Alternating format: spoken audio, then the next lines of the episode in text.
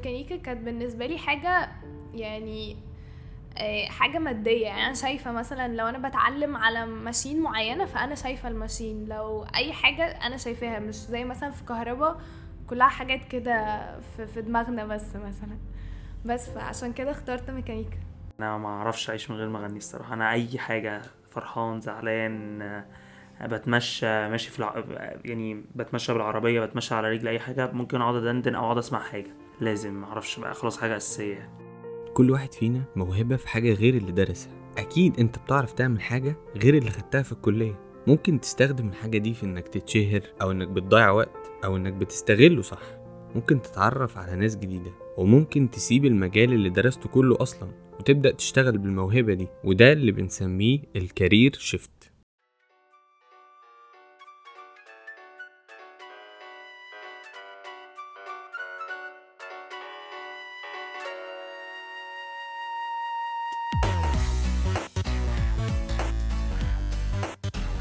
أنتم دلوقتي بتسمعوا بودكاست أنا البطل.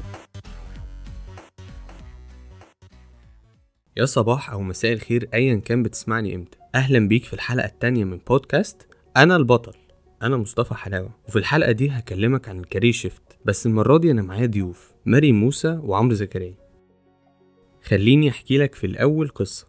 من وأنا في ثانوية عامة كان عندي حلم إني أبقى مذيع راديو بس في نفس الوقت كنت بعشق حاجة اسمها الفورمولا 1 قد إيه كنت بحب الميكانيكا والعربيات واقعد أرسمهم في كل حتة في كراساتي وكتبي ففكرت هل بعد الثانوية أخش كلية هندسة ولا أخش كلية إعلام؟ هل أختار الميكانيكا ولا أختار الراديو؟ وقتها اخترت الميكانيكا عشان عارف إن الميكانيكا مش هعرف أتعلمها غير من الكلية وإن في يوم من الأيام ممكن أتعلم إزاي أتكلم في الراديو. بس السؤال بقى هل لما أتعلم الراديو هسيب الميكانيكا ولا هعملهم مع بعض؟ ولا هفضل متمسك بالميكانيكا وانسى الراديو أصلا؟ السؤال ده هو سؤال الحلقة. هل ال career shift بجد؟ هل هو دايما نجاح؟ ولا ممكن يكون فشل؟ هل الكارير شيفت بجد؟ أنا مريم موسى لسه متخرجة من هندسة عين شمس ميكاترونكس. منين؟ أنا من القاهرة بس ال roots بتاعتي من أسوان بس أنا عمري ما رحت أسوان قبل كده. عادي أحيانا ب model as freelancer يعني مش freelancer قوي دلوقتي مع مع ايجنسي معينة. بس بس يعني ب model time to time. أم، بعمل حاجات handmade مكرميات وحاجات زي كده. مكرميات دي بتبقى حاجة بتتعمل بخيوط كده اسمها مكرمية. بتبقى حاجات ممكن تستعملها في الديكور آه، ممكن تعمل بيها كوشة ممكن آه، يعني حاجات في الديكور عموما وفي البيت وكده. مريم موسى. زميلتي في الجامعة واللي كانت معايا في كل المشاريع حتى مشروع التخرج كانت قوية جدا وكنت عارف إنها بتعمل حاجات كتير في نفس الوقت جنب الكلية. من وأنا صغيرة قوي أصلا من وأنا عندي مثلا ثلاث سنين أو حاجة ماما كانت بتقعد دايما تقولي إن أنتي زمان كنت أنتي اللي بتدخلي تفتحي الدولاب تطلعي الهدوم وترصصي وتقولي أنا عايزة كذا ومش عايزة كذا فهو من زمان وأنا بعمل كده. آم، بالنسبة بقى لموضوع الموديلنج فبحس إن إحنا عيلتنا عيلة مامتي بالذات آه، عندنا كده معرفش في ال genes بتاعتنا إن إحنا بنحب نتصور بنحب نلبس بنحب نعمل ف كذا حد فينا أصلا من جواه عايز يبقى بيموديل. أخويا نفسه نفسه يبقى بيموديل أو ياخد ال step دي بس هو لسه ما بياخدهاش. ف فبس غير كده يعني إنه موضوع ال modeling ده جه إزاي؟ علشان خاطر زمان كان بيتقال لي إن أنا نفس ال type بتاع ال models اللي بيمودلوا في فرنسا أو بره أو كده. فالموضوع ابتدى أركز فيه أركز فيه لحد ما في وقت ما يعني ابتديت اللي هو أحس إنه أيوه دي الحاجة اللي أنا عايزة أعملها بس ما كنتش باخد فيها step لسه آه، يعني أعتقد إن أنا كنت بشوف ال models في ال catwalk فكان بيعجبني قوي وكنت بحس إن أنا ب relate ليهم إن أنا نفس type الجسم وكده. آه، وبعدين أول حد يقول لي حاجة زي كده كنت كنت في تانية إعدادي أو حاجة كنت باخد course English وكان ال instructor بتاعي آه، راجل يعني فوق الستين وكده. وقال لي انت إزاي لسه موجودة هنا؟ انت المفروض تبقي في فرنسا مع ال models اللي هناك وبتاع وكده. فهو اللي حسسني إنه إيه ده الله أنا فعلا ب fit مع الناس دي مش بس تفكيري من جوه دماغي اللي هو إحساس وخلاص. فبعدين بقى ابتديت أركز في الموضوع فابتديت أحس إنه آه دي حقيقة أنا ا fit إن أنا أبقى موديل أو كده. مريم أصولها من أسوان ولكن أصولها ما كانش ليها دور كبير قوي في تكوين شخصيتها المبدعة دي. تمام آه، أنا عمرو زكريا عندي 23 سنة خريج كلية صيدلة لسه السنة دي لسه fresh grad وبغني مع الكلية. يعني هو أنا آه بدأت شغل أهو بقالي شهر ونص بشتغل medical representative تبع شركة يعني. آه وبرضه لسه معاها but still برضه بغني وكده بس يعني طبعا من الشغل بقى اتجهت له اتسحلت فيه أكتر. عمرو زكريا. عمرو بدأ يغني وهو عنده عشر سنين بسبب حبه لمسلسل حليم. لما سمع أغنية إسلامي يا مصر وراح يغنيها لمدرسة الموسيقى وهي اللي عرفته وعلمته إزاي يغني. وكانت حفلة المدرسة هي أول حفلة يغني فيها.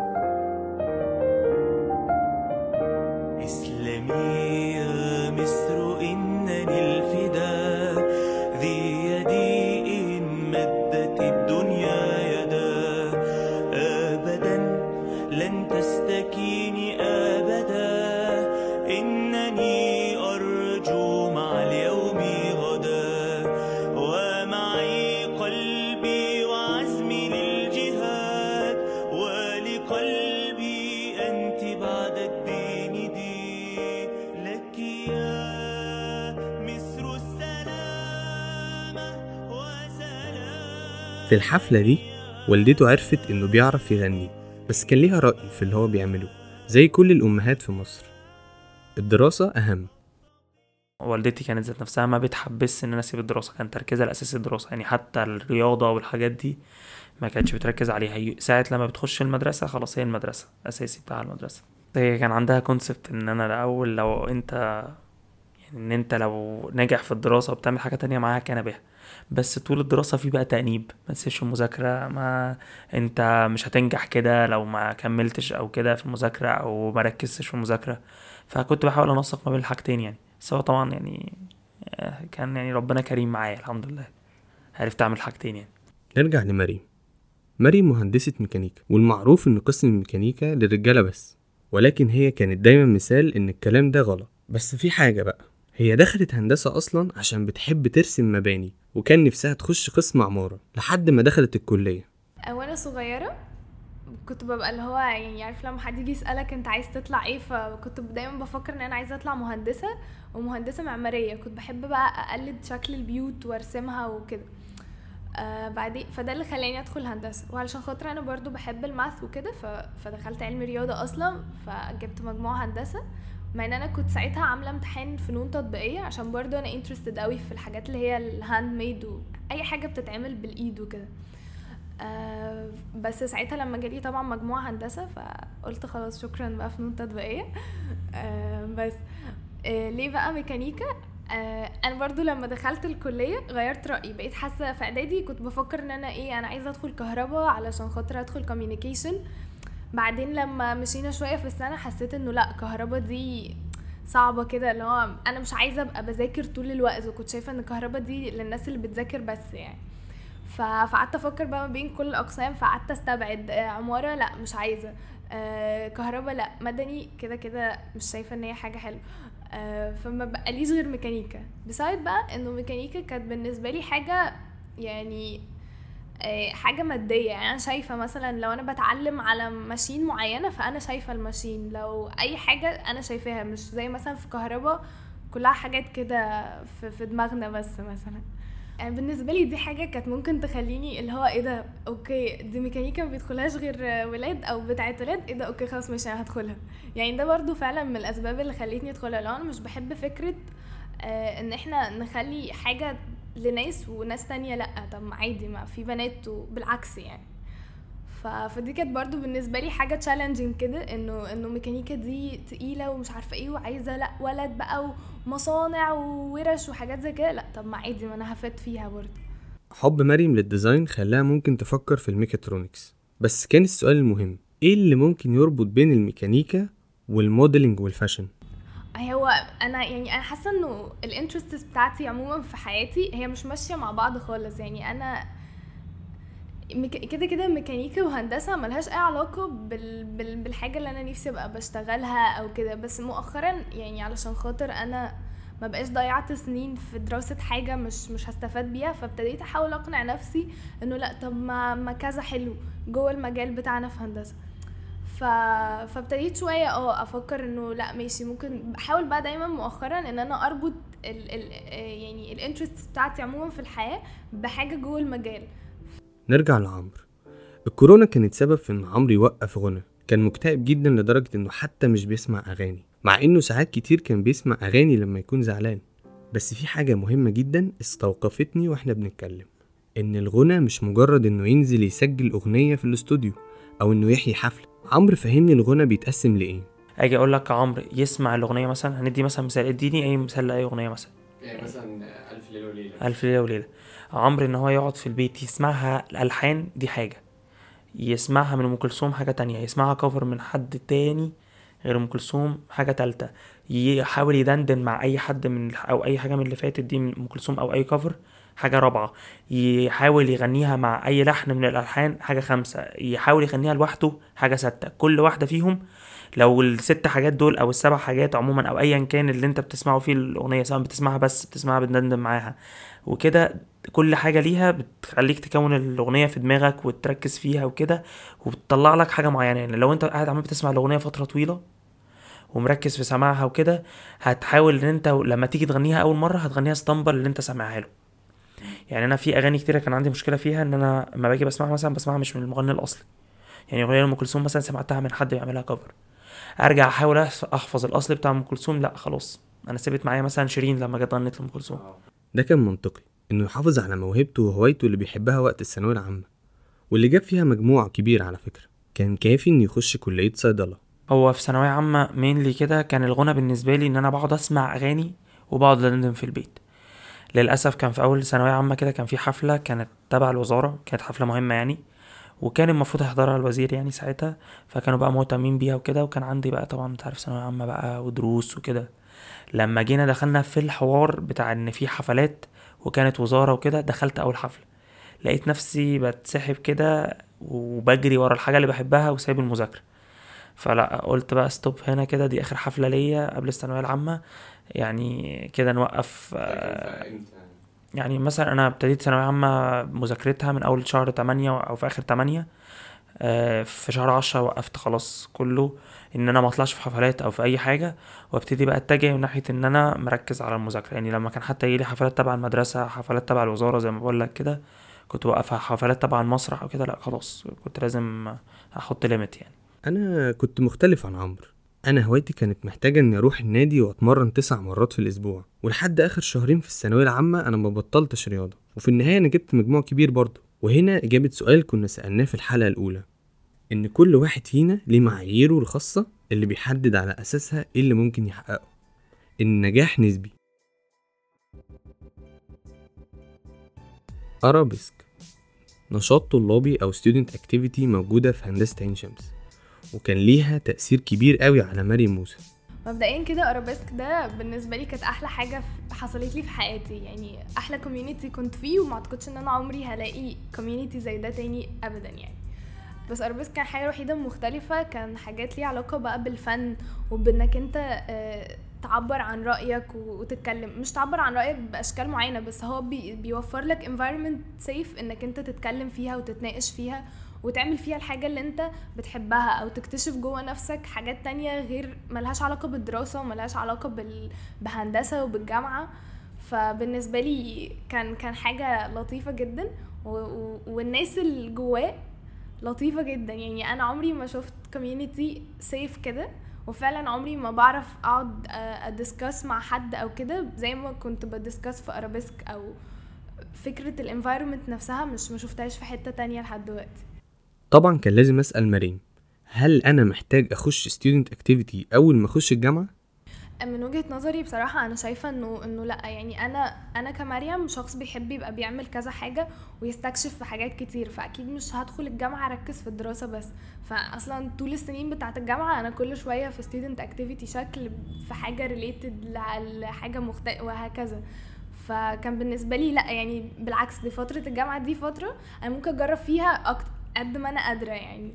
بعد كده ممكن ما يبقاش عندي ال opportunity دي. فلا بالعكس ده أنا كنت أحيانا باجي على الدراسة علشان خاطر بقى ال activities وكده. بس بعدين توصلت إنه لا يعني مش أصح حاجة إن أنا أجي على الدراسة. فابتديت اللي هو إيه لا ماشي okay بدل ما أبقى في two student activities ممكن أبقى في واحد بس وأركز شوية في الدراسة. بس ده اكتشفته يعني في آخر سنتين في الكلية. أنا كان أي حاجة ليها علاقة بالمجال الطبي كان تمام بالنسبة لي peace يعني أنا دايس فيها. فكرة إن حد يجي لي عنده مرض معين وأنا أحاول أعالجه أو كده. بس آه طب يعني بيطري كان صعبة بالنسبة لي مش مش متخيل نفسي فيها. كان ال option التاني بقى إن هو طب وصيدلة وأسنان. رحت قدمت في الجامعة اتقبلت بسهولة وبسرعة ما كملتش يومين تلاتة جالي القبول. آه كليتي طبعا كان إخواتي كانوا موجودين فيها فكان ككلية كسمعة وكحاجة كان اسم كويس. وقدمت صيدلة. مشيت فيها الحمد لله. أول سنة جبت امتياز كان بالنسبة لي حاجة كويسة جدا وبالنسبة لهم في البيت. بس حاولت أثبت نفسي شوية والحمد لله يعني نجحت فيها دراسيا وخرجت منها يعني بتقديري كويس الحمد لله. عمرو اختار الصيدلة لهدف جميل قوي وكان متفوق جدا في كليته مع إنه كان بيغني في نفس الوقت مع دراسته. أي قبل أي midterm كان بيبقى عندي حفلة أخلصها بعد كده بقى أخش بقى في mood ال midterm يعني كانت بتخليني كده اللي هو إيه زي أستعد لل midterm أو كده إن أنا فصلت مثلا بحاجة أنا بحبها بعد كده بقى رجعت للايه للأساسي بقى اللي هو المذاكرة والحاجة اللي أنا ملزم بيها. بس كان على حظي والحمد لله كنت بنجح في الحاجتين. يعني كان في حاجات كتيرة كنت حتى متخيل إن أنا منجحش فيها يعني في الدراسة أو كده بسبب إن أنا اتأخرت في مذاكرتها. بس فكرة إن أنا بقعد الساعتين تلاتة اللي قبل الامتحان دول أو ال... أو الكام يوم اللي قبل الامتحان دول أركز فيهم ممكن بلم اللي الناس التانية بتلمها في شهور يعني. بس فده كان فارق معايا جدا. مريم كانت مختلفة عني إنها فعلا كانت بتعمل كذا حاجة في نفس الوقت غير الدراسة. كانت بتشتغل وبتشارك في كذا student activity أو نشاط طلابي وكان عندي فضول أعرف إزاي كانت بتوفق بينهم مع الدراسة. دخلت ارابيسك آه، كان تاني سنة ليا في الكلية وقعدت معاهم ثلاث سنين. TEDx دخلتهم كانت تاني سنة ليا في الكلية في نفس الوقت اللي دخلت فيه ارابيسك آه، بس بالنسبة لي يعني ده كان community وده community تاني. بالنسبة لي دي كانت أكتر سنة أنا اتبسطت فيها في الكلية علشان خاطر كنت ساعتها بقى يعني ابتديت أعرف ناس كتيرة قوي وبسبب طبعا ال student activities دي عرفت ناس كتيرة وكنت ساعتها بشتغل برضو somehow بس يعني part time والدراسة ما كانتش أتقل حاجة يعني كانت سنة أصلا light كده فاللي هو يعني ماشي تمام لو كان في حاجة هتتسلم بعملها قبلها بالظبط. ما كنتش طبعا بذاكر جيت ذاكرت في الآخر خالص اللي هو مثلا قبل قبل الامتحانات بشهر واللي هو يعني أنا أصلا في السنة دي معدية كده يعني بالظبط. آه بس بقى من الناحية التانية يعني كسبت ناس صحابي كتير في في في أرابيسك بالذات وبالنسبة لي كانت ال social life بتاعتي يعني في ال peak بتاعها.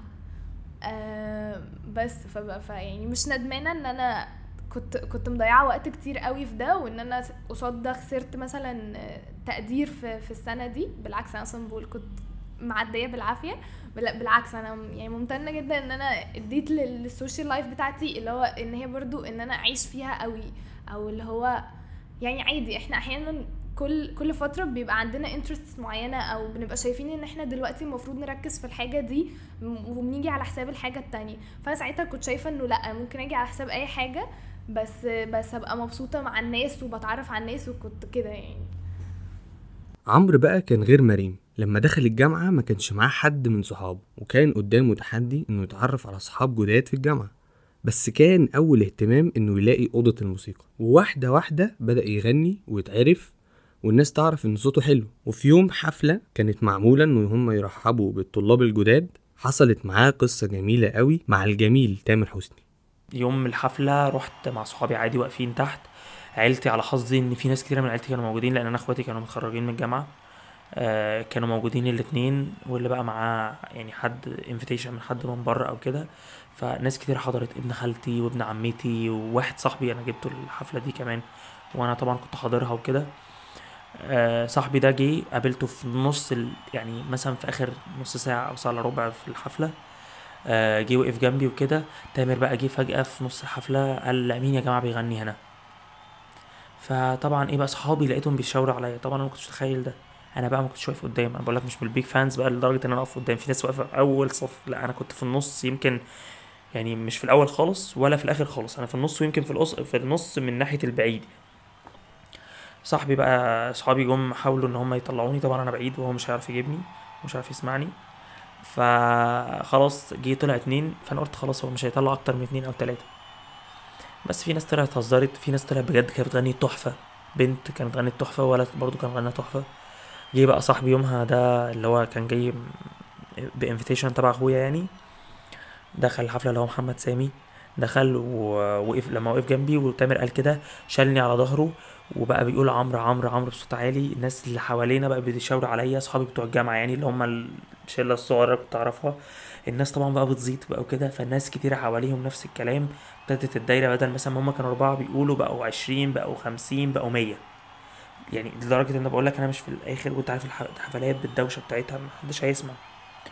بس مش... تحس بجد والله مش كده عليك. يعني أتمنى إن كان الحوار ده كان يبقى مسجل يعني. ما استبعدش إن كل الناس كانت بتقول عمرو. لدرجة إن هو لما جه بيقول إيه طب يلا يا عمرو تعالى فاهم؟ اللي هو يعني سمعني من على ال stage وهما بيقولوا عمرو. يومها آه، بتاع ده صاحبي ده فضل شايلني على ظهره طلعني من المكان اللي كنت موجود فيه نقعد بقى نزيح ما بين الناس ما بين الناس ما بين الناس. طبعا كانت حاجة مش حلوة تبقى رخمة شوية لأن بيبقى الدنيا زحمة. بس الحمد لله وصلنا لحد ال stage. رحت جنب ال stage آه، المنتج اللي هو وليد منصور. ما كانش راضي يطلعني على ال stage. وأنا قلت خلاص تامر نسيني بعديها بشوية بعد ما حاولت مع وليد منصور قال خلاص إحنا هننزل مايكات وما فيش حد هيغني مش عارف إيه. طبعا ده كله توتر يعني بحكي لك بقى. مفيش حد هيغني فأنا قلت خلاص بقى بعدها ما كان في أمل رجع الأمل تاني كله لورا. تامر بقى في المايك راح نادي بيقول هو فين عمرو يا جماعة؟ ما جاش لحد دلوقتي. أول بقى ما طلعت بقى على ال stage قال ابن الجامعة أهو يا جماعة. طبعا ولا ابن الجامعة ولا أي حاجة لسه بقالي شهرين.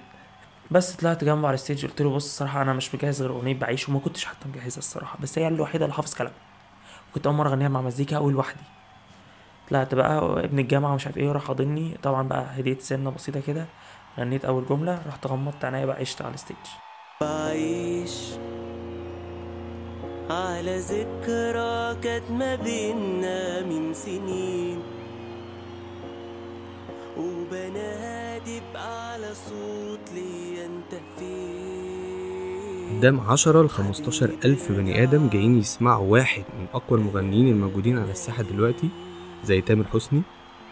أكيد كانت حاجة كبيرة أوي لعمرو وعلمته حاجة مهمة أوي إنه لما يكبر ويتشهر لازم يدي فرصة للشباب إن هم يثبتوا نفسهم. يمكن يكونوا حاجة كبيرة قدام. بس وكان بها آه، نزلت من على ال stage صحابي بقى قعدوا يسقفوا مبسوطين وصوتك حلو ومش عارف إيه. آه روحت البيت بعديها. كان واحد صاحبي نزل الفيديو فجأة لقيت الفيديو مثلا فوق ال 600 notifications بقى عندي على الفيديو وال وال chats وبقى وال add وال likes والحاجات دي كلها. طبعا كانت كمية حاجات أنا مش متخيلها يعني أنا نازل من على ال stage عادي. اللي كان مصور live ساعتها ومش عارف اللي مصور story بس كله بقى بعت لي اللي بعت لي على الواتساب اللي بعت لي على الفيسبوك كده. طبعا أنا حتى لدرجة إني ما كنتش عارف أرد على الناس. كان شعور جديد ومختلف. قلت خلاص بقى كده أنا وصلت. طلعت أنا وصلت ولا حاجة لسه ببدا مريم كان ليها قصة مختلفة مع ال stylist المشهورة أمنة الشندويلي. لما كانت شغالة مع band مصري مشهور جدا اسمه مسار إجباري اشتغلوا على ألبوم اسمه الألبوم وده واحد من أنجح ال albums اللي اشتغل عليها مسار إجباري. هما كانوا تلات أيام كده تصوير الألبوم بتاعهم وأنا بالنسبة لي يعني أصلا يعني ده ال- ال field اللي أنا حابة أبقى بشتغل فيه. ف, ف... ويعني وساعتها فعلا حسيت قد إيه هو field لطيف قوي قوي. وحسيت قد إيه أنا فعلا عايزة أسعى أكتر إن أنا أعرف أوصل إن أنا أشتغل فيه. لأن أنا حاليا مش مش شغالة فيه يعني. أو هي كانت بالنسبة لي الموضوع ده كان زي بيبقى projects كده. نزلت كام project مع أمنة وخلاص كده. بس ساعتها أنا بقى كنت كنت fan طبعا لمسار إجباري قوي يعني. ف بس بالنسبة لي كانت اللي هو حاجة wow. آه، اللي هو يعني okay مثلا أنا بعمل لهم إيه؟ أه بجهز مثلا ال outfit اللي هم هيلبسوه أه بعد ال shoot بتاعت ال- الأغنية دي. أه بالنسبة لي اللي هو يعني ك output في الآخر لما الألبوم طلع ولما اللي هو الناس بقى آه، سمعت وعجبهم وكده لو مثلا كنت أحيانا ببقى قاعدة مع اصحابي آه، أقول لهم أنتوا عارفين أنا حضرت تصوير الألبوم ده. بالنسبة لي كانت حاجة لطيفة جدا. وهم ناس لطيفة قوي يعني. وال field ده عموما ال environment بتاعته بتبقى لذيذة يعني. آه، أنا فاكرة لقطة كده كنت قاعدة في ال في ال في ال location بتاع التصوير وهم كانوا بيغنوا أكتر يعني أكتر حاجة فاكراها كانت على أغنية نهايات الحكاوي. فبالنسبة لي هي my favourite في الألبوم. يعني عشان هي كده كده أصلا لطيفة قوي وأنا حبيتها قوي. وعشان كمان هي بتفكرني بلقطة كده يعني اللي هو أنا كنت مركزة كده. والدنيا هادية وهم صوتهم ومزيكا شغالة. فكان الموضوع بالنسبة لي أنا مبسوطة قوي إن أنا بحضر حاجة زي كده أو إن أنا مشاركة في حاجة زي كده. هاي هاي هاي هاي. هاي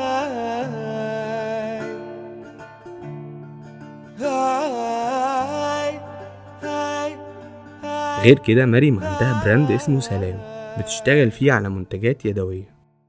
أنا ب appreciate قوي يعني كلمة سلام. بحس إن هي هي كده كده فيها معاني كتيرة قوي.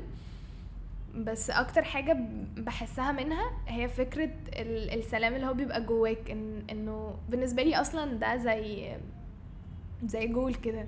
إن أنا أبقى حاسة فعلا بسلام داخلي. دي بالنسبة لي ده ده يبقى خلاص أنا مش عايزة حاجة تاني من الدنيا. لو أنا راضية وحاسة بسلام داخلي. هو يعني بالنسبة لي سلام هو حاجة بعمل فيها حاجة in a way. يعني أي حاجة handmade هي كده كده artistic وبشكل مختلف. يعني زي هدايا كده الناس ممكن تشتريها لبعض أو أنا ممكن أديها للناس اللي بحبها.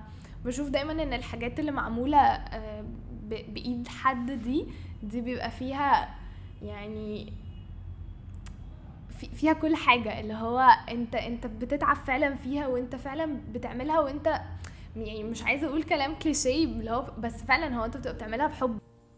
في الآخر محدش فينا يقدر يقول هل الكارير شيفت حاجة كويسة ولا لأ. مفيش حد يقدر يفهم إيه الحاجات اللي أنت متفوق فيها وإيه لأ غيرك. أنت زي مريم وعمر عندك معاييرك ومفاهيمك عن النجاح. النجاح اللي لما تحققه محدش غيرك هيقدر يقول أنا البطل.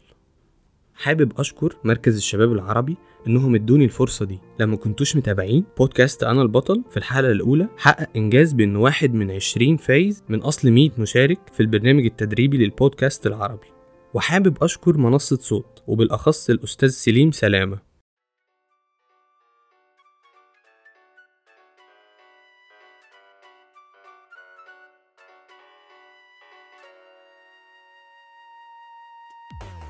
لو عجبتك الحلقة أتمنى إنك تعمل like وتنشر الحلقة على ال social media وتعمل لي follow على الإنستجرام اللي موجود في ال description وخلينا نتكلم هل أنت مستعد إنك في يوم من الأيام تعمل career shift بجد؟